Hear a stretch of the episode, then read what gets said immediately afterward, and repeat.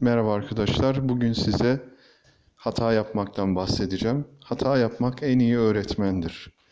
Herhangi bir konuda hata yaptığınızda mutlaka bir şey öğrenirsiniz. Dolayısıyla hata yapmaktan kaçınmak çok mantıklı değildir. Hep hata yapacağım diye düşünürseniz o zaman hiçbir şey öğrenemezsiniz. Hiçbir şey yapmazsınız.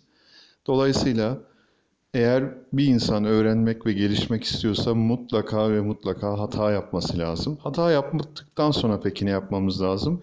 Durup düşünmemiz lazım buradan ne öğrendik diye ve bundan sonra daha bilinçli bir şekilde yolumuza devam ederiz. Bir örnek verecek olursam, örneğin yolda yürürken arkamıza bakarak yılan yürürsek ve yürümemiz sonucunda bir duvara çarptık veya birisine çarptık. Burada bir şeyi fark etmiş oluyoruz. Yaptığımız hatayı fark etmiş oluyoruz. Nedir bu hata?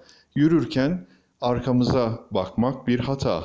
Yürürken arkamıza bak bakarsak önümüzdeki bir kişiye veya işte bir duvara çarpabiliriz ve böylelikle buradaki yaptığımız hatadan bir şey öğreniriz ve bundan sonra da yürürken asla arkamıza bakmamaya çalışırız. Dolayısıyla hata yapmak en iyi öğretmen olduğunu söyleyebiliriz. Başka bir örnek de paradan verelim. Örneğin diyelim ki e, kripto para veya borsada hisse senetleri yükseliyor, yükseliyor. Dolayısıyla siz de yükselişte olan hisseleri satın alırsınız. Daha sonra şunu fark edersiniz ki sert bir düşüş meydana gelir ve hisse senetleri veya kripto paralar sert bir şekilde düşer. Dolayısıyla burada da bir hata yaptığımızı fark etmiş oluruz. Yani yükselen bir hisse senedinden veya kripto paradan almak bir hata. O zaman ne yapmak lazım? Yükselince değil de sert bir düşüş yapınca yatırım için bir fırsat olduğunu buradan öğrenmiş oluruz.